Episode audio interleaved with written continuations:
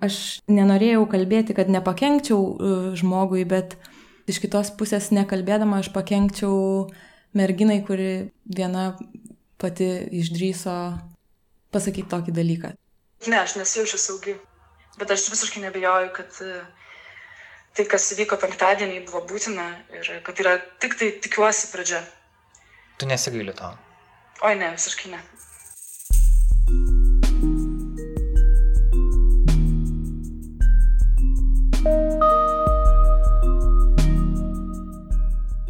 Penktadienį, lapkričio 10-ąją, Julija Steponaitytė, 2015-aisiais pripažinta geriausia aktorė Lietuvoje, Facebook'e parašė žinutę. Prieš penkis metus buvau seksualiai užpulta režisieriaus Šarūno Bardo. Ta įvykį vis dar prisimenu šį vakarą, kai rašau šį įrašą. Laikiau tai paslaptyje, nes maniau, kad tai neegzistuos, jeigu niekas nesužinos, bet tai nėra tiesa. Laikas mums nutraukti tylą ir nustoti apsimetinėti, kad tai neegzistuoja. Prašau, neleiskite tam atsitikti dar kartą mes susisiekėme su Julija pirmajam jos išsamam interviu po šio įrašo. Šiame epizode taip pat kalbės kita moteris - dailininkė Paulė Boculaitė, auksinio scenos kryžiaus laimėtoja. Ji taip pat teigia, kad Šarūnas Bartis prieš ją smurtavo. Julija ir Paulė nėra pažįstamos, tai bus pirmas kartas, kai Paulė savo istoriją pasakos viešai. Sekmadienio naktį, kai baigėme rengti šį epizodą, Šarūnas Bartis nebuvo atsakęs į patiktus Julijos Steponaitytės kaltinimus ir nesutiko duoti komentarų mums.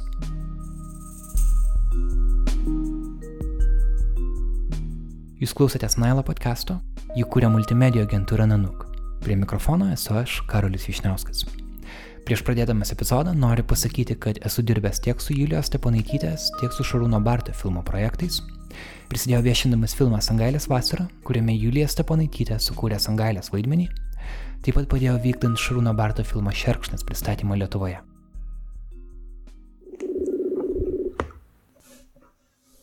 Labas. Po Sangailės vasaros Julija Steponaitytė nebevaidino kine. Ji pastraukė į užkulisius, šiuo metu gyvena tarp Londono ir Paryžiaus, dirba kaip filmų koloristė. Šarūnas Bartis nebejotinai yra vienas svarbiausių Lietuvos kino režisierių. Jo filmas Šerkšnas šiemet buvo pristatytas paralelinėje Kanų kino festivalio programoje. Praėjusiais metais Šarūno Barto filmų retrospektyva buvo parodyta prestižinėme Paryžiaus meno centre Pompidou. Filmas Šerkšnas Lietuva šiemet nominavo Oscarui. Po įrašo Facebook'e apie patirtą prievartą, Julija Steponaitytė sulaukė daug klausimų, kasgi atsitiko tada prieš penkerius metus. Kviečiame išgirsti jos istoriją. Aš buvau pakviesta pas Šarūną Bartą į studiją um, castingui, video bandymams, nes jisai beras ruošiasi naujam filmui. Ir mes nufilmavome, nufilmavome tos tą bandymą ir tada po kurį laiko pasirikome dviese. Ir tuo metu aš Šarūną Bartą pažįstu nuo 11 metų. Aš pirmą kartą pasivadinau filmą, tokiam trumpam 5 minučių trukmės filmą, būdama 11 metų. Um, Ir jis man buvo labai svarbus žmogus. Tuo metu jis man tikrai buvo autoritetas. Um, kaip ir daugeliu šiaip jaunų žmonių, man atrodo, Lietuvoje, kurie yra kažkaip susijęs su kinu, nes jis yra iš tikrųjų labai stiprus, talentingas režisierius. Ir pasilikti dviesą su Šarūnu Bartu vakare, gerti, man tuo metu atrodė tokia didelė privilegija.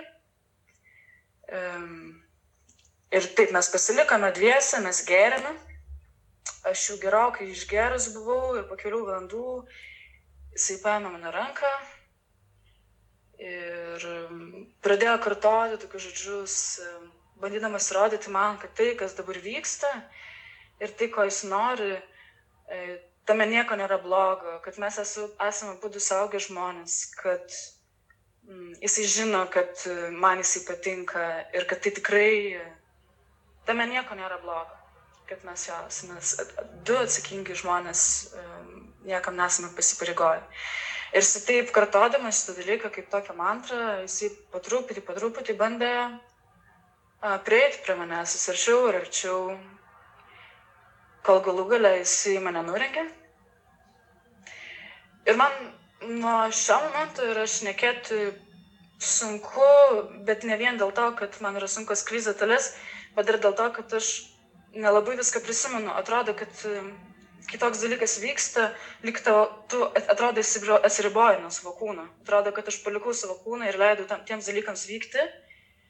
Um, nors vis dėlto tai, ką žinau jog aš visą laiką, kiek manoma labiau, bandžiau viską stabdyti. Tai yra tai, kad jis į mane neįėjo. Bet aš vis dėlto pasilikau miegoti pas jį. Um, tada iš ryto jis vėl bandė padaryti tą patį. Aš vėl jį stabdžiau ir stabdžiau. Ir tada lyg ir po kurio laiko, lyg ir pavudau šoko būsenos, uh, pašokau, pradėjau kartoti, kad tai, kas įvyko šią naktį, to neturėjo įvykti, aš pradėjau tikrai panikuoti. Jis vėl pradėjo kartoti, kad nemato tame nieko blogo, nes mes esame vėlgi saugę žmonės. Ir tada aš išėjau. Ir tada aš kartą paskambinau savo draugį ir jai viską papasakau. Ir at. Tu buvai castingui pakviesta. Ar tave atsirinko tam filmui, ar ne? Ne, mes nedirbame po to kartu. Aš manau, kad aš nutraukiau santykius tada su juo. Aš paskui sekantį kartą jį pamačiau uh, jau kiek, prieš pusantrų metų barats, kai buvo uh, jau Paryžiuje, uh, kai gyvenau Paryžiuje, buvo Pompidou centre jo retrospektyva. Uh, tada aš jį pamačiau sekantį kartą. Kaip tau tas uh, jo požiūris, kad tu tarsi pati irgi to nori, tik nesupranti, kad nori. Jis tarsi bandė tave įtikinti, kad, kad, kad čia viskas gerai ir kad, tu, kad jis geidžia tavęs, bet ir tu geidi jo, tik kad pati to nesupranti. Aš manau, kad jisai naudojasi savo autoriteto poziciją ir jisai labai gerai suprato, kad jis man yra labai stiprus, imponuojantis žmogus. Ir jisai to pasinaudojo. Labai samoningai. Tas faktas, kad tu buvai išgerus, jūs abu buvote išgerę, kaip suprantu, Tavo manimu tai kažką keičia ar ne? 20 metų tai buvo viena iš pirmųjų mano seksualinių patirčių, tai buvo tiksliau pirmoji mano seksualinė patirtis. Aš ne, nežinau, kaip elgtis toje situacijoje. Aš dabar turbūt visai kitaip reaguočiau, nesvarbu, kiek būčiau išgerus, ar ne? Aš, um, o ir antras dalykas, tai aš manau, kad niekas negali pateisinti tokių veiksmų uh, ir tokiems veiksmams nuolaidų negali būti, nesvarbu, kiek būtų buvę alkoholio. Kai tu pasikalbėjai su drauge, ar jūs galvojat kažką daryti dėl to, ar iš jos gavai galbūt patarimą, kad, na, kad tai reikėtų kažkaip paskelbti, kitiem pranešti. Man įdomu va, patekti į tavo būseną tuo metu. Ar tu tiesiog norėjai kuo greičiau viską užmiršti, ar buvo minčių, kad gal reikia kažką daryti, bet galiausiai, galiausiai nusprendai, kad, kad vis dėlto ne? Man net nekilo minties kažkam pasakoti. Aš tikrai tikėjausi ir galvojau, kad jeigu aš apie tai nešnekėsiu, tai ir neegzistuos ir mano, aš galėsiu gyventi toliau ramiai. Tol, kol niekas to nežino. Ir um, mintis apie tai prabilti garsiai man kilo galbūt tik tai prieš um, gerą mėnesį. O kodėl?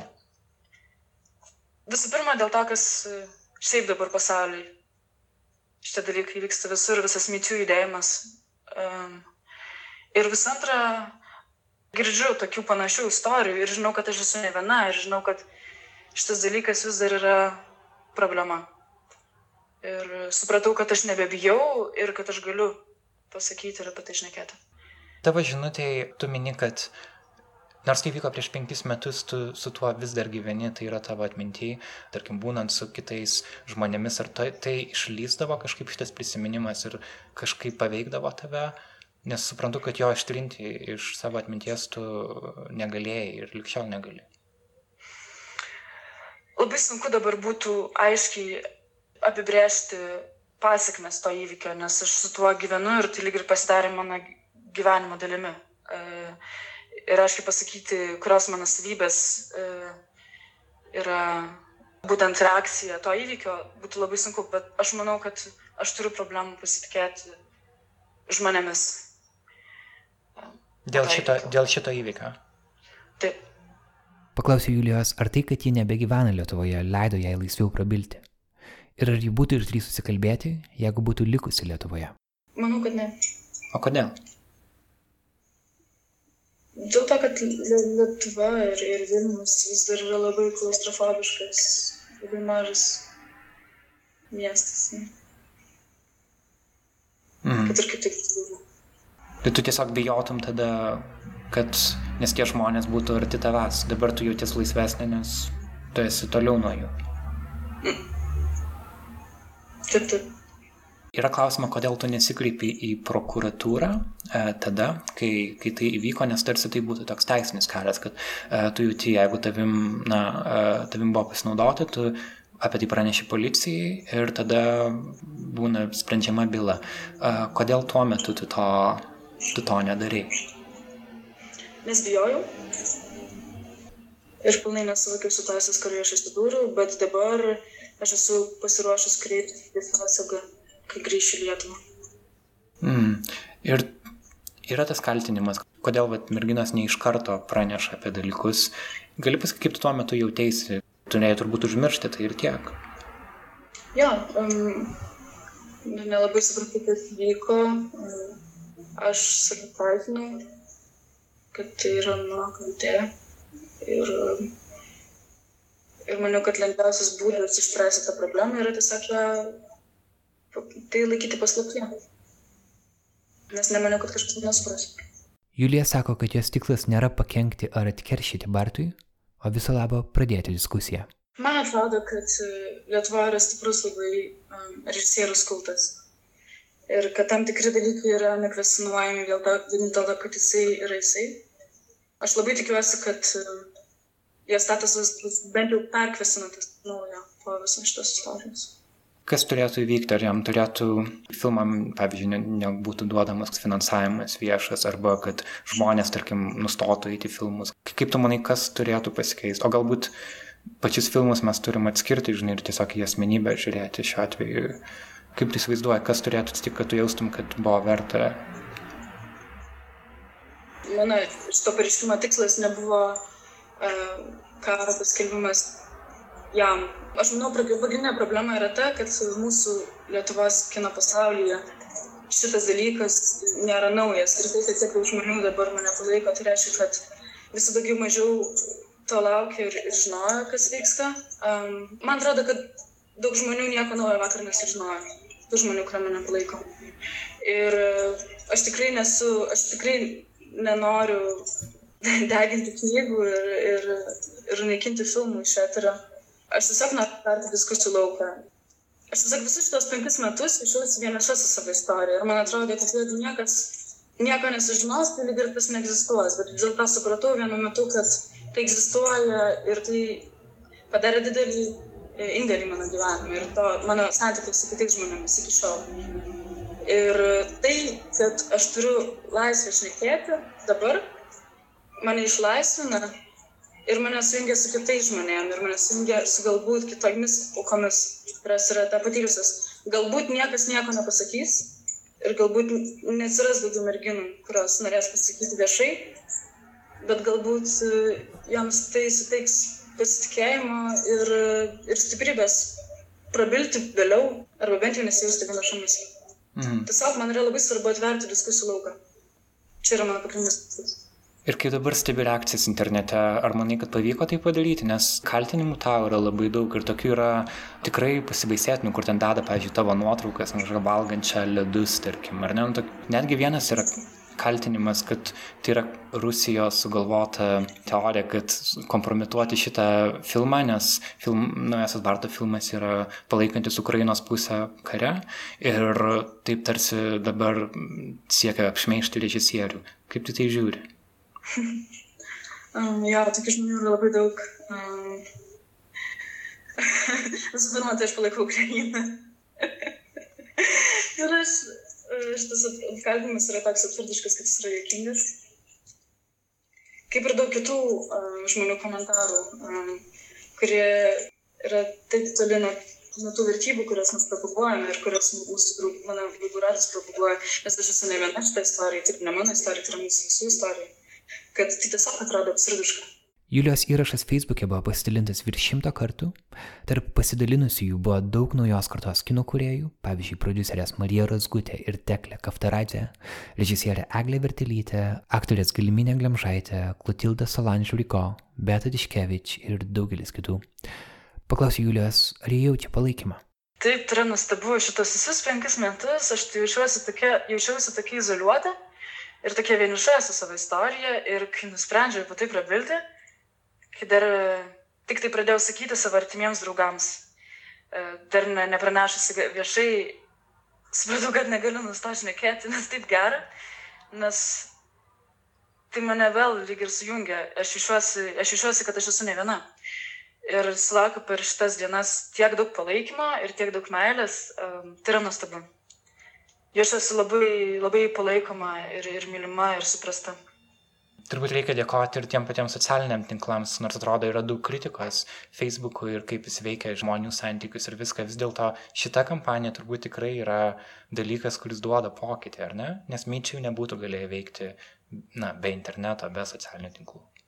Taip, neįtikėtina. 2017 metai aš kartais pagalvoju, kad ir kiek blogų dalykų vyksta, bet tai, kad mes šiandien apie tai šnekame ir, ir kad gali vykti tokia diskusija, mm, tai yra ja, tikrai nuostabu.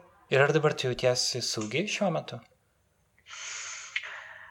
Na, dabar labai sudėtinga pasakyti, kaip, paaiškinti, kaip aš išuosi. Aš, tiek, aš, kiek aš gaunu meilės, tiek pasiskleidė žmonių ir iš mano artimų žmonių tarpo, kurie manęs nepalaiko. Ir tai yra pakankamai sudėtingas laikotarpis. Tai būtų sudėtinga pasakyti, turbūt ne, aš nesijaučiu saugi.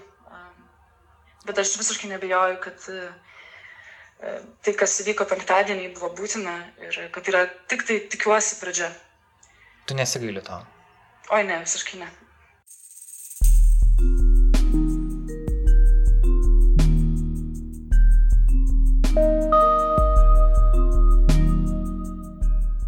Kai dailininkė Paulė Boculaitė perskaitė Julijos Steponaitytės įrašą Facebook'e, jie atpažino save. Julija su Paulė niekada nėra susitikusios anksčiau, bet jas abi teigia nukentėjusios nuo Šarūno Barto. Paulius istorija taip pat atsitiko prieš penkerius metus, bet jos atvejai skirsi tuo, kad priešingai nei Julija, ji iš karto kreipėsi į policiją. Be to, artimiems žmonėms ji nuolat kalbėjo apie tai, juos įspėjo, ko gali laukti, dirbdami su režisieriumi. Pateikėme visą Paulės Boculaitės istoriją, kurią jie atskleidė mūsų žurnalistai Bertai Tilmantaitį. Iš pradžių gali kelti daug klausimų, bet pasilikite. Čia tokia labai ilgai gal istorija. Mane pakvietė į castingą. Žodžiu, ten tiesiog pavaikščiau į castingus ir mm, kaip ir gavau vaidmenį tam filme. E, ir man dabar reikia eiti, žodžiu, į, į tos castingus, kadangi aš neprofesionali aktorė, bandymai, bandymai, bandymai ir tiesiog e, tai pasidarė e, rutina ilgainiui. Vėliau kažkaip tai prasidėjo tokie, kad e, taip su Bartu ir į kavinę nuvažiuodavom, ir į restoraną jisai mane nusiveždavo ir aš tuo metu draugavau su, su tokiu vaikinu, jisai labai, jam tas labai nepatiko, nu nes matyti jisai jautė gal net labiau negu aš, kas čia yra per intencijos. Ir mes su juo pasišnekėjom ir mm, manęs paprašė, kad aš ne, nu, jeigu aš noriu ten vaikščioti tos castingus, kad aš nevažinėčiau į tuos restoranus. Ir, ir aš galvau, taip, čia man reikia tą pasakyti. Ir aš pasakiau tai Bartui, kad aš čia nenoriu nieko. Ta prasme, jeigu jisai nori kažkaip tai dirbti, statyti filmą, tai viskas gerai. Bet jeigu jisai nori čia į kažkokius restoranus važinėti, tai aš neturiu tam laiko. Ir nuo tos akimirkos, kai, kai mes tai pakalbėjom, tai ir nutrūko. Tai prasme, tai nustojo. Ir taip, kokius kelis mėnesius aš vaikščiau, darydavau visokius bandymus. Ten iškildavo vis kartais kokiu nors e, keistų dalykų. Pavyzdžiui, įvykdavo muštynės. Mano vaikinas taiga susinervindavo, spykdavo ir, ir susimuždavo su, su Šarūnu Bartu, tiesiog mieste gatvėje. Ir aš nesuprasdavau, kodėl taip vyksta. Aš galvodavau, kad, kad tas mano draugas jisai truputėlį perdeda, persudo.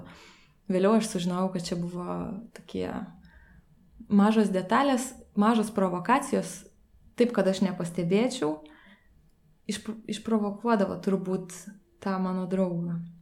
Ir Nu, bet čia viskas yra taip, ne, negaliu aš taip konkretizuoti, nes čia labai aš ilgai pasakočiau. Ten yra metodika atidirbta, dieve mano. Tai žodžiu, bet...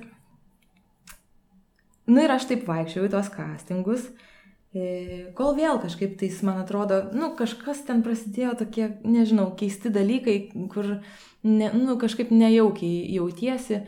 Ir, ir, ir aš visą laiką bandžiau pasakyti, nu ta prasme, kad... E, jokių intencijų aš čia neturiu ir nenoriu ir nepriimu. Ir, ir kai po kažkurio karto uh, Bartas vėl pasakė viskas gerai ir pasiūlė kažkaip, sako, gal tu dailininkė nori būti uh, filmo. Mm, aš galvau, kad tai yra labai faina. Nu, aš labai apsidžiaugiau, man buvo labai įdomu. Ir, ir aš sutikau, sakau, jo noriu. Paskui aš supratau, kad e, filmas, filmo lokacija pagrindinė yra jo sodyba. Ir tam, kad, nu, ta prasme, jeigu tu esi dailininkas, tu su Bartu važiuoji į, į, į tą sodybą ir, ir būni tenai. Aš iš karto jam, vad, kai tą supratau, aš pasakiau, kad aš važiuosiu į tą sodybą E, kartu, mes galim dirbti, bet aš vis, niekada nenakvosiu. Man reikia būtinai visą laiką tą, pačią, tą patį vakarą grįžti į Vilnių. Ir mes taip susitarėm ir viskas taip ir buvo kurį laiką.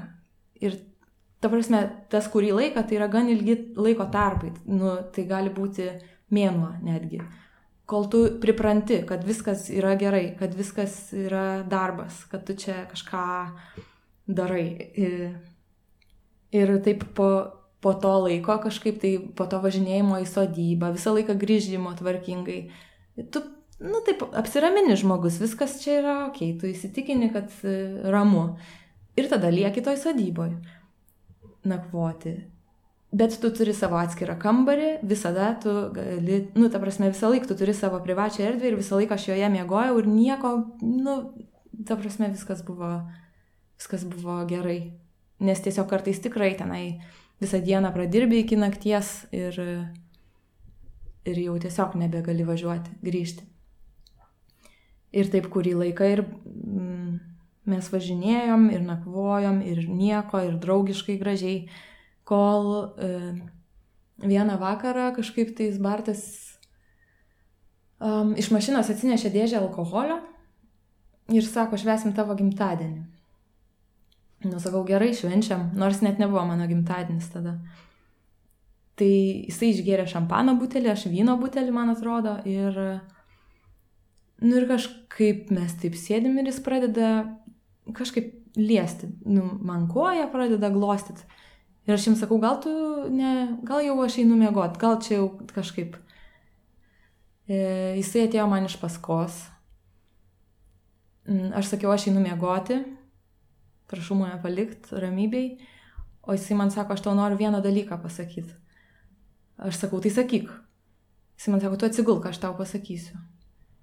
Aš sakau, aš stoviu ir tu man dabar pasakyk, jeigu tu man nesakysi, tai aš užsidarau duris. Ir sako, ne, ne, tu atsigulk, aš tau tada pasakysiu. Ir aš neatsiguliau. ir jisai pradėjo verkti.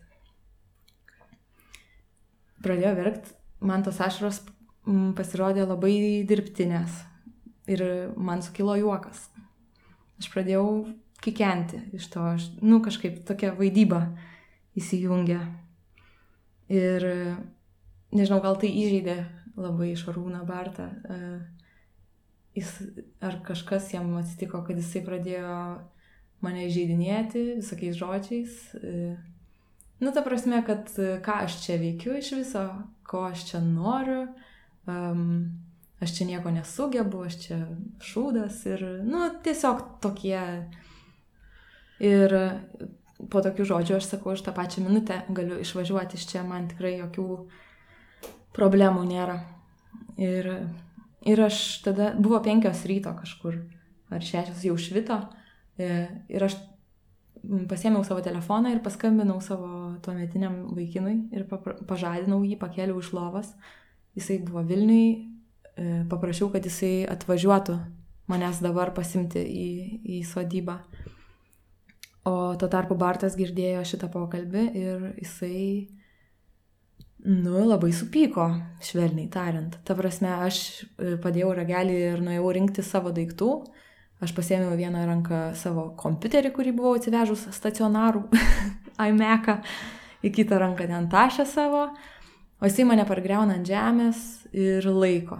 Tiesiog apkabinės laiko ir ne, nepaleidžia. Aš tada laužiu jam pirštus, sakau, paleisk mane, jisai juokiasi ir sako, aš nepaleisiu. Tai aš kažkaip tada, aš jam pasakiau, kad tu man šlikštus Ir, ir dėl šitų žodžių, man atrodo, jis mane paleido, ar kažkaip tiesiog jis mane paleido. Ir aš tada stvėriau savo daiktus ir jau bėgau link durų, kai jisai metė į mane suoliuką. Jis, nežinau, ar jis taikėsi į mane ar ne, bet suoliukas nepataikė. Aš per duris sprukau, jisai man įkandin metė į mane televizorių, kuris beje buvo mano atsivežtas. E, tai va, metė tiesiog laukia televizorių į mane. Aš bėgau su, to, su tais daiktais per lietų, penktą ryto, kažkur per miškelį, su botais. Jisai mane pasivėja ir bando sulaikyti. Aš sakau, aš kviečiu policiją. Jisai kviesk policiją, nu ir kviesk tą policiją. Ir aš pasėmiau telefoną ir pradėjau kviesti policiją. Ir tada jisai kažkaip tai nuėjo atgal į, į, į namus savo. Ir aš ramiai tada galėjau išsikviesti policiją, pasakiau, kur aš esu. Ir aš pereinu miškelį, išeinu į tą plentą, kur tiesiog yra vienoje pusėje laukas, kitoje pusėje keletas namų, bet viskas taip labai atvira. E, ir, ir yra tyla, visas kaimas miega, paryčiai, gal koks paukščiukas čiulba bet labai, e, nu taip, viską girdi ir aš girdžiu, kad jisai girtas uh, užsiveda savo automobilį. Ir aš suprantu, kad jisai dabar, nu, atvažiuos, nu, ta prasme, jis važiuoja manęs vytis, aš nežinau, kokie ten jo ketinimai, ar, nu, visai neįsivaizduoju, ta prasme, gal jis net pats nežinojo, bet jisai ant neįsivaizduojamo greičio. Man atrodo, kad labai greitai jisai tiesiog išvažiavo pro miškelį ir aš pasislėpiau už konteinerio. Tiesiog pirma vieta, kur radau, kur nu, tiesiog aš atsitupiau iš tikrųjų prie konteinerio ir jisai matyt greitai važiuodamas, tai per siaurai matė, kad pastebėtų, jis tiesiog nepastebėjo, jis pralėkė žiauriai greitai ir kelio gale apsisuko ir atgal taip pat greitai. E, parlėkė. Tai va, ir, ir tada, mm, tada atvažiavo policija, atvažiavo tas mano draugas manęs pasimti ir mm, aš tiesiog sėdėjau autobusiuke ir rašiau pareiškimą. Tai vad, ir policininkam tai buvo vietomis net juokinga. o Aš tam autobusikė sėdėdama, man rankos žiauriai drebėjo, aš parašiau viską. Aš net, man atrodo, net neturėjau tušinuko. Jie labai juokės, kad aš to tušinuko neturiu. Tai tiesiog e, parašiau pareiškimą ir policininkai sako, nu, tai ką dabar darysim? Aš sakau, aš sakau, tai ką dabar darysim? Mm, tai jie sako, tai važiuojam atgal, jūs norit važiuoti atgal? Nu, sakau, važiuojam, jeigu reikia. Ir aš tada su savo draugu ir su dviem policininkais mes grįžom atgal į sodybą ir policininkai, mes atsistojom prie durų ir jie sako, nu tai belskis. E, aš sakau, gal jūs galit. Sako, tai tu čia, tu čia norėjai grįžti. Nu kažkaip. ir, ir aš, mes tiesiog įėjom į tą namą, buvo atrakintos duris. Pabeldžiau, man atrodo, aš prieš tai, bet... Ir mes įeinam su dviem policininkais ir yra tiesiog visa patalpa, vis, visas kambarys e, ir virtuvė, tai prasme, vaizdas toks, kad viskas apversta aukštinkojam, baldai išvartyti, tas suoliukas, tas televizorius dar laukia, man atrodo, gulėjo, mestas. Ir prie stalo sėdi Bartas ir policininkai jo klausia, tai, nu tai kas čia atsitiko? Ir jisai visai ramiai sako, nieko čia neatsitiko. Nu ir policininkai paskėščiojo rankom kažką. Nu gerai, važiuojam. Ir kai mes išėjom į kiemą, mm, policininkai sėsti į savo mašiną, aš su draugu į savo. Ir išlindo Bartas iš sodybos. Ir jis pradėjo eiti į mano draugą. Tiesiog taip eiti, bet nieko nedarydamas, jis tiesiog eina į, į priekį ir žiūri jam. Ir aš va tada supratau va, visas tas manipulacijas, kur prieš tai jos buvo daromas, nes jisai tiesiog eina, nes nori, kad mano draugas trenktų jam prie policininkų. Ir ačiū Dievui, kad jisai susilaikė. Nes, nu, aš nežinau, ta prasme, tokioj, tokioj situacijoje tai labai nesunku prarasti savitvardą yra. Tai va, tai tuo viskas ir baigėsi. Bartas liko sodyboje, policija išvažiavo pas save į molėtus, mes išvažiavom į Vilnių ir po to laiko, mėnesį laiko man kiekvieną dieną skambindavo Bartas, rašė, kad, kad nesuprantu, kas čia įvyko, niekaip negaliu čia pateisinti savo veiksmų, ar tu gali pateisinti savo, nu ta prasme kažkaip taip. Aš jam nieko visai neatsakiau į nei vieną šitą žinutę, neatsiliepiau į skambučius. Mm, vėliau gavau žinių iš policijos, kad man reikia atvažiuoti molėtus. Neatsimenu tiesą sakant dėl ko, ar dar kartą paliudyti, ar kažkaip išklausyti, ką jie nusprendė, bet žodžiu, aš sužinojau, kad Bartas gavo 150 litų baudą už smulkų huliganizmą ir kad buvo konfiskuotas jo graištinis šitas šautuvas. Tai va, ir, ir tuo viskas ir, ir pasibaigė.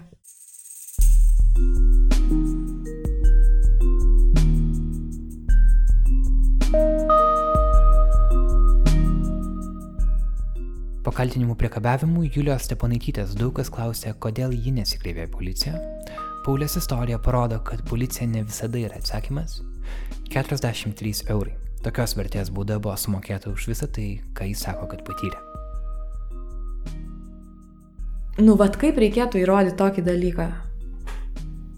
Man nepavyko. Aš manau, kad man nepavyko įrodyti nieko tuo metu. E, nors aš žinau, kad tai yra tiesa ir, ir manau, kad Bartas irgi žino, kad tai yra tiesa. Bet iš kitos pusės, ta prasme, aš jaučiuosi, kad uh, tada prieš penkis metus uh, aš padariau viską, kad uh, save apginčiau šitoj situacijoje. Ir aš irgi norėčiau kažkaip pabrėžti, kad mes neskubėtumėm savęs į aukos vaidmenį dėti, bet pirmiausia turim patys bandyti gintis nuo tokių dalykų. Berta Tilmantaitė toliau kalbina Paulę Boculaitę. E, tiesiog labai įdomu išgirsti, kaip tu jauties e, po to, kai Julija papasakoja savo istoriją ir po to, kaip po tos va, Julijos papasakotos istorijos sukilo dar tokia banga visokių um, kritikos, atsiliepimų, kažkokių emocijų, kaip tu jauteis perskaičius ir kaip va, dabar visas šitas dienas dvi paras apie tai galvoji? Aš kažkaip, kai pamačiau tą jos pasidalinimą, um, nu, man aišku, nebuvo tai nieko netikėto, bet uh, nu, man labai daug kilo klausimų, ką dabar reikėtų daryti, kas būtų teisinga, kaip būtų teisinga pasielgti. Nu, mane labai nustebino tie komentarai žmonių, kad jų ten tas didžiulis kiekis tokių labai, labai negatyvių. Ir tas turbūt iš dalies paskatino ir mane e, pasisakyti apie, sa, apie tai, ką man reikėjo, teko praeiti. Aš nenoriu, nenorėjau kalbėti, kad nepakenkčiau e, žmogui, bet, bet iš kitos pusės nekalbėdama aš pakenkčiau merginai, kuri viena pati išdryso pasakyti tokį dalyką. Pavyzdžiui, kai man atsitiko e, tas, aš taip pavadinčiau, už, užpuolimas E, tai aš po to, man šiaip tai net, nu, net netėjo į galvą, kad aš galėčiau dalintis Facebook'e ar kažkur tai socialiniuose tinkluose kažkaip viešinti tai. Todėl, kad mano gynybos priemonė buvo, aš kreipiausi į policiją visų pirma tą pačią dieną, kai tai įvyko.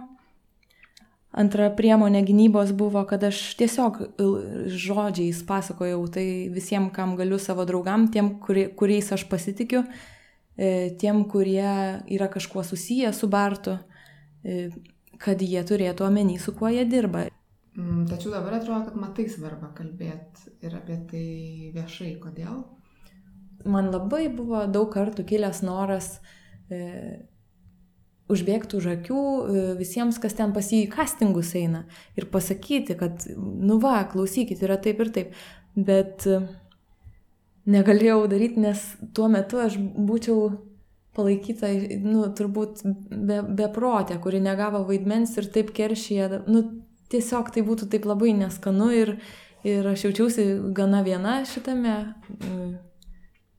E, nejaučiau savo rankose kažkokios tai nu, kad aš galiu kažką pakeisti. E, dabar aš tą pasakoju, todėl kad aš matau Juliją, kuri prakalbo ir jinai yra visai viena. Ir jinai padarė tai, ko aš nedrįsau padaryti, nes, nes mane tada apriektų, kad aš čia esu beprotė negavus vaidmens. Dabar visa ta litanija eina ant jos ir pritaikydama savo patirtį aš noriu jai padėti. Nu, ta prasme, solidarizuotis kažkaip. Aš ir tą patyriau ir girdėjau daug visko ir, ir man atrodo, kad daug kas net, ta prasme, nu, tai akivaizdžiai matosi iš tikrųjų. Aš manau, kad e, tie, kas e, domisi Barto kinu, gali žvelgti nu, labai nesunkiai jo požiūrį į, nu, kaip jis stato filmus, kas ten per metodai. Ta prasme, man atrodo, kad tai galima matyti. Ir keista, kad dabar visi, nu kaip, aišku, yra žmonių, kurie to nežinojo ir, ir nepastebėjo, e, bet yra žmonių, kurie, kurie tai seniai žino ir kažkaip nieks, nu taip tarpusavį pasijuokia, pašneka, pasidalina gandais, o, o suvokimo, kad tai yra mm, kažkoks tais nusikaltimas nelabai, nu ta prasme jis yra, bet jis yra toleruojamas. E, panašu, kad Barto metodai yra visiškai iš pusiausvėros išmušti žmogų ir tada pradėti jį filmuoti. Taip jis išgauna labai įdomių dalykų, bet to kaina yra labai didelė. Bet tu tai labiau matai kaip darbo metodą, ne kaip asmeninį žmogaus kažkokį bruožą. Aš tai vadinu darbo metodais, bet e, aš žinau, kad pas Bartą tai yra, ta prasme, ne, neatskiriama. Čia yra asmeninio gyvenimo darbo metodai. Čia viskas vienas ir tas pats. Nežinau, kas yra jam didesnis prioritetas. Ar jo asmeniniai tikslai, ar jis tai daro dėl filmų. Nežinau, bet man tai tiesą sakant net ir nerūpi, nes pasiten taip yra susimaišę E, as, nu, čia Barto kinas, va, prašau, čia yra as, asmeniškumai užfiksuoti čia ir dabar tiesiog. Ir aš žinau, kad po manęs e, filme vaidino mergina, kuri susilaukė nuo jo vaiko, kuriai galbūt viskas buvo ok su tuo. Aš esu vienai aktoriai, kuri vaidino jo filme vėliau, e, irgi įspėjus, ta prasme, papasakojus ir pasakius, kad tiesiog, nu, įspėjus, kad atsargiai. Bet, nu, aš pamačiau, kad tai nelabai veikia, iš tikrųjų. Mm. Kokia buvo reakcija? Jokia. Tai tada tikrai vailai pasijauti žmogus, kad tu čia kaip davatka kokia. Bet žmonės tai žinai nori patys. Mm Nu jo, patys. Turbūt. Tai taip, tai ir aš pati, kiek mane žmonių irgi bandė, tada prieš penkis metus e, man bandė sakyti, kad tu čia žiūrėk, čia e, atsargiai, o aš sakiau, aš pati pamatysiu. Man buvo iš viso. Aš galvoju, nu tai kur yra tie limitai? Ta prasme, tai, tai ką žmogus, jeigu jis tikrai turi tokių ketinimų, tai, tai nu kaip gali, ta prasme, kaip taip gali būti? Nu ir, ir po to paaiškėjo, kad gali. Aišku, čia yra nu, ir pačios e, kvailumas, e, kad... E, nu, bet iš esmės, nu, tai iš ko tu daugiau pasimokysi, negu kad kaip iš savo. Tuo tarpu visuomeniai, kaip tą stabdyti, tai svarbiausia yra neskubėti darytis išvadų, neskubėti teisti, neskubėti ginti įjungti sveiką protą, kažkaip visada labai e, gerai pamatuoti. Nu, kaip, ta prasme, vad Facebook'e dar vienas dalykas, kuris man labai įstrigo, kad uh, Julijos atveju uh, uh, yra labai daug žmonių, kurie kvestionuoja jos pasisakymą. Aš labai pastebiu tendenciją, kad jie labai greit yra čiaupiami. Ir man atrodo, tai irgi yra neteisinga. Man atrodo, kad kvestionavimas kaip toks yra geras dalykas. Ir jeigu žmogus kvestionuoja savo komentarę, ar tai tiesa, ar taip gali būti, gal galima plačiau, e, neteisinga yra iš karto baigit kaltinti auką, rėkti. Nes tai nėra kaltinimas, tai yra kvestionavimas ir abejoti e, yra, yra gerai, man atrodo. Netgi, netgi jeigu žmonės abejos mano pasisakymu, ko aš irgi, kaip ir aš įrodymų neturiu, nebent man padės molėtų policija, kurioj guli tas mano, tikiuosi, guli pareiškimas, bet žmonės gali kvestionuoti tai, ką aš dabar sakau. Ir aš nelaikau to victim blamingu ir nereikia manęs čia pulti ginti, prasme, dėl to. O kaip tikies arba kaip norėtum ir kaip manai, kad turėtų Barto istorija baigtis? Ne tai, kad baigtis, bet koks mhm. kitas etapas po mhm. šito, kas turėtų vykti. Aš tikrai nelinkiu tam žmogui kažkokių blogų kėslų, aš jam neturiu, bet uh, ko aš norėčiau ir dėl ko aš visą šitą darau, uh, kad tokia darbo metodika, kad jinai baigtųsi, kad daugiau nebūtų tokių atvejų, kurie atsitiko man arba atsitiko kažkam tai kitam. Kad nereiktų bėgti, kad nebūtų mėtomi televizoriai, nu, kad e, baigtųsi šitie dalykai, kad atsirastų kažkoks tai profesionalumas tame, kad e, tiek Bartas įsisamonintų iš tikrųjų, kad tai, tai nėra gerai, ką jisai praktikuoja. Ir kiti žmonės, kurie galbūt kada nors gyvenime turės savo rankose e, įrankius tam. Mm. Kad tų įrankių ne, nebūtų tokių. Tu manai, tai manoma ar to atveju? Jo, aš manau, kad taip ir bus. Kad tokie dalykai nebepasikartos ir Barto atveju, nu, nežinau, kažkuriais tai atvejais gal, bet Barto atveju tai manau, kad dabar jau tai yra neįmanoma. Jis pasikeis, pakeis darbo metodus, kurie. Ne, aš manau, dirba... kad jam bus labai apsunkinti darbo metodai. Ir gal tai yra gerai. Gal. Nu, va, aš ne, nežinau, kaip čia toliau bus, ta prasme, bet aš manau, kad galbūt būtų ir Mm. Galbūt būtų ir teisinga ne, nebeskirti pinigų, nebeskirti finansavimo, jeigu filmai statomi e, tokiais būdais. Dalis žmonių teisinančių Šarūną Bartą teigia, kad kol režisierius neatsakė į kaltinimus, tol turime laikytis nekaltumo prezumcijos, kad žmogus nekaltas tol, kol yra nenuteistas. Po Julius atvejo dalis žmonių ją kaltino šmeištu, sakydami, kad ji nepateikė jokių įrodymų. Ką daryti tokiu atveju? Kaip žinoti, kuo tikėti, o ko ne, kai kita pusė, šiuo atveju režisieriaus pusė, tyli? Susisiekėme su Lietuvo žmogaus teisų centro direktorė, teisininkė Birutė Sabatauskaitė. Paklausiau jos, kodėl ji pasirinko užstoti Juliją. Pasirinkau ją, nes e, mano žiniomis e, ir pagal tyrimus, liet, kurie Lietuvoje nėra atlikti, kalbant apie seksualinio pobūdžio nusikaltimus, aukos labai retai meluoja ir labai retai perdeda tai, kas atsitiko jom, ypač jeigu išdrįsta kalbėti viešai. Tai aš turbūt pasirinkau todėl tą moralinę poziciją palaikyti Juliją, nes man atrodo, kad e, tai nėra sukurta ir dar ir dėl to, kad iš kino pasaulio žmonių teko girdėti, kad turbūt tai nėra vienetinis atvejis. Bet čia aš susiduriu su labai didelė dėl, moralinė dilema, nes man kaip teisininkė vis dar atrodo, taip mes turime kalbėti apie nekaltumo prezumciją, bet šiuo atveju man kalbėti apie ją labai sunku yra. Komentarai, kurių Julija susilaukė iš plačiosios visuomenės, buvo labai negatyvūs. Portale Delfi ši istorija sulaukė 1600 komentarų, pacituosiu daugiausia palaikymo sulaukusius jų. Tuoj vyrai bijos kalbinti merginas, kad po 20 metų neišlystų kokią pranę su savo senais prisiminimais. Arba kitas, ko tylėjo penkis metus, buvo naudinga tylėti, kas dabar pasikeitė. Ir dar vienas, man atrodo, jei kinošnikai po, deš, po dešimties vyno taurių pasilaižė ar pasigrabaliojo, tai tikrai nėra priekabiavimas. Ir niekaip nesprantu, kodėl priekabiavimo aukos eina su vyrais į jų viešbučio kambarius.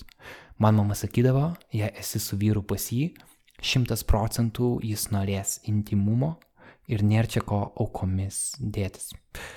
Paklausė Birutės, ar tokia visuomenės reakcija nėra dviguba bausmė nukentėjusiai. Iš pradžių tu nukenti ir tada tu nukenti dėl to, kad tu pasakai, kad tu nukentėjai. Man atrodo, ši reakcija yra iš dalies tai, dėl ko seksualinio priekabiavimo ir seksualinės prievartos aukos renkasi neiti į teisės saugos institucijas. dėl to, kad e, bijo, kad vėl reikės dar kartą išgyventi tuos jausmus, pasiteisinti dėl savo kažkokio elgesio, kažkokiu būdu vėl visiems įrodyti, kad tu nekalta. Mes kalbame apie gana galingą žmogų, gana vertinamą žmogų, žmogų, kurį aš vertinu pati labai asmeniškai ar, ar tiksliau vertinu jo kūrybą. Uh, būtent dėl to yra labai sunku prabilti. Vienais atvejais, man atrodo, dalis visuomenės yra pasimetusi, o kitais atvejais mes gyvename tame užburtame rate, kur laikome vis dar seksualinį priekabiavimą pačios aukos kalte. Tirdami Šarūno Barto istoriją radome dar kelias liudininkės, kurios, kaip mums teigia šaltiniai, irgi yra patyrusios režisieriaus prievartą. Nebūtinai seksualinę, bet pavyzdžiui, psichologinę. Tačiau kol kas jos nesutiko kalbėti. Sveikas pasikalbėjo. Tai um, jinai, jai yra per daug asmeniška ir viso to išgyventi kalbėdama jinai nenori. Vėl. Supratau, kad milžiniška trauma. Irgi viso elgesio. Viso elgesio, filmavimo, šiaip vaikščiojimo, bet jinai nenori apie tai kalbėti.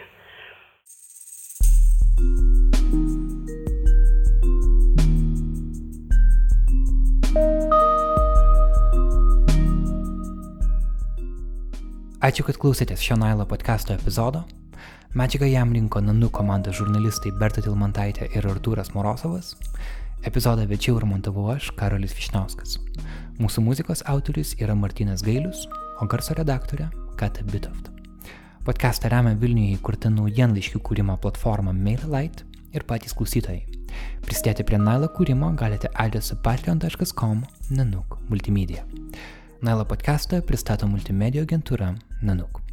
Susitiksime kitą savaitę. Iki.